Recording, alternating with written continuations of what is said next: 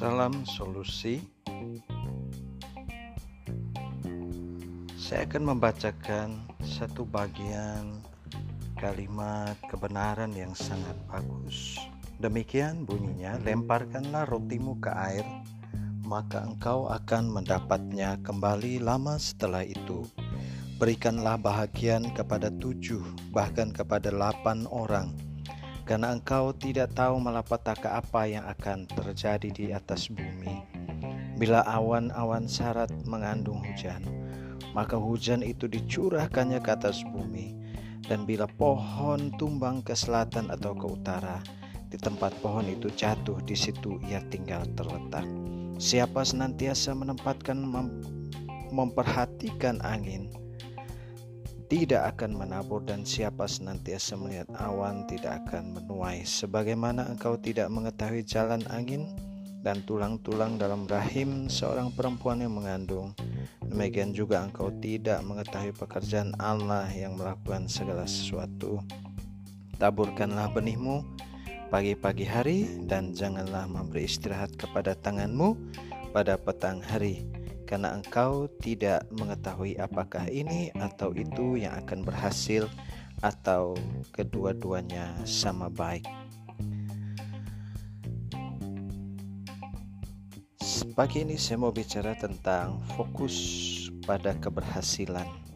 Salah satu kunci keberhasilan adalah rajin. Rajin itu diartikan suka bekerja, getol, sungguh-sungguh bekerja, selalu berusaha giat. Tapi ada arti yang berikutnya adalah kerap kali terus-menerus. Itu arti kata rajin yang diberikan oleh Kamus Bahasa Indonesia.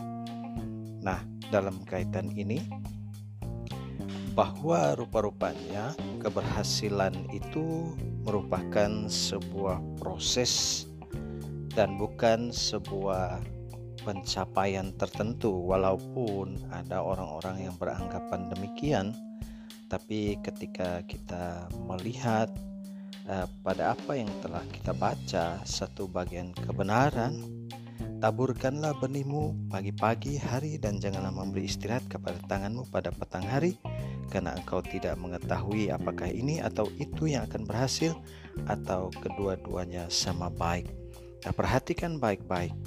Kalimat yang baru saja saya sebutkan memberikan gambaran kepada kita betapa penting untuk menjadi rajin karena pada akhirnya rajin itu menuju kepada sesuatu yang terus-menerus saudara ulang-ulangi dan tentu ini berbicara berkaitan dengan apa yang baik, apa yang benar, apa yang akan mendatangkan perubahan ke arah yang meningkat pada apa yang sudah sedang kerjakan.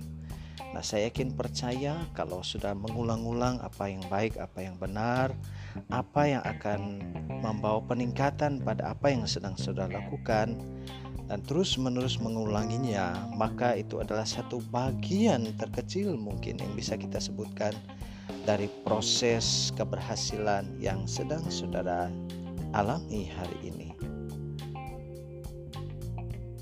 Salam solusi thank you